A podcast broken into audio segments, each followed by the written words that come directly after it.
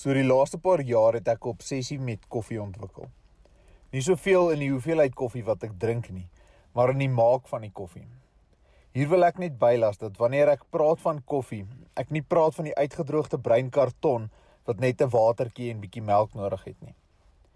Dit wat my fascineer van koffie is die wye verskeidenheid tegnieke en die presiese wetenskap wat dit vat om die perfekte koppie koffie te maak. Die Engelse Bybel stel ook die belangrikheid van koffie in die boek Hebreëus. Een van my gunsteling tegnieke van koffie maak is met die gebruik van 'n AeroPress. Die toestel maak koffie deur dit onder hoë druk deur 'n filter te forceer.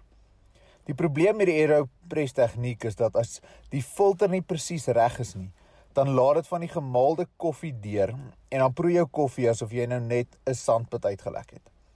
Van jong daar af leer ons om ons aksies en ons woorde te filter. Want kom ons wees eerlik, as ons rondgaan en soos klomp wilde diere alles doen en sê wat ons graag wil, is daar net een uitkoms: skade. Sekere van ons se filters strek van om tot 10 te tel wanneer jy kwaad raak, tot om vir jouself te vra wat Jesus in hierdie situasie sou doen. Maar dan kom daai een dag wat begin met 3 ure in die verkeer oorgaan na beerdkrag en eindig met jou span wat alweer verloor. En wat gebeur? Jou filters stel jou te leer. Die uitkoms daarvan is skade in die verhoudings van ons lewens en die nagevolge van aksies wat ons lewens kan verwoes.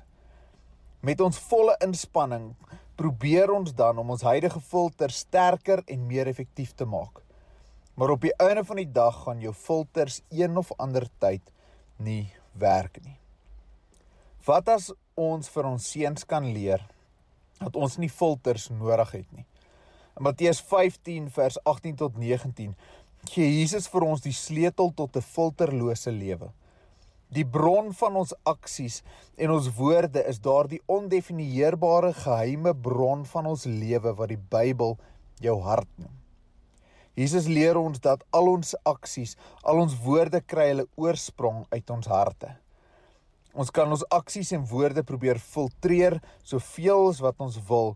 As ons nie ons harte gaan verander nie, gaan ons verhoudinge in ons lewens verwoes. Wanneer jy skielike uitbarstings van woede kry, is die probleem nie jou filtreerstelsel nie, maar jou hart. Wanneer daar gedrag in jou lewe is wat nie in lyn is met God se woord en opinie oor jou nie, is die probleem nie jou filters nie, maar jou hart. Salomo skryf die boek van Spreuke om vir sy seun al die wys wysheid en lesse wat hy geleer het te leer. Dis 'n boek vol waardevolle lewenslesse, maar hy maak 'n interessante stelling in Spreuke 4 vers 23 waar hy sê dat bo alles wat hy sy seun leer, daar een groot les is. Al vergeet sy seun alles wat hy geleer het, moet hy een ding onthou. Bewaak jou hart meer as alles wat bewaak moet word. Van daaruit is die oorsprong van die lewe. Jesus noem in Matteus 15 dat aksies so slegte gedagtes, moord, egbreek, hoerery, diewery, valse getuienis, lastertaal 'n refleksie is van jou hart.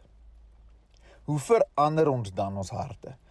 Wat is dit wat ons kan doen om ons harte te belyn met God se plan vir ons lewens. Eerstens begin dit by 'n gebed wat Salomo se pa Dawid bid in Psalm 139 vers 23 tot 24. Deurgrond my o God en ken my hart. Toets my en ken my gedagtes en kyk of daar by my 'n weg is van smart en lei my op die ewige weg. Dis in hierdie gebed waar ons ons harte oopmaak dat die Here ons kan lei en wat dit is wat ons aan moet werk. Tweedens moet ons seuns verstaan dat hulle werk nie aan hulle harte en gedrag om die Here te be, te probeer beïndruk of om die Here tevrede te stel nie. Ons werk aan ons harte omdat ons in Christus se beeld geskape is en soos ons ons lewens belyn met daardie identiteit so begin ons lewens dit te reflekteer. Derdens moet ons 'n liefde vir God se woord in ons seuns kweek. Die woord leer ons hoe om ons lewens te belyn met die Here se wil vir ons lewens. Die woord wys ons hoe Jesus geleef het en dat dit as voorbeeld dien vir hoe ons kan leef op hierdie aarde. Net soos wat ons die manne leer hoe om ander te beskerm, kom ons leer hulle hoe om hulle harte te bewaar met alles wat hulle het.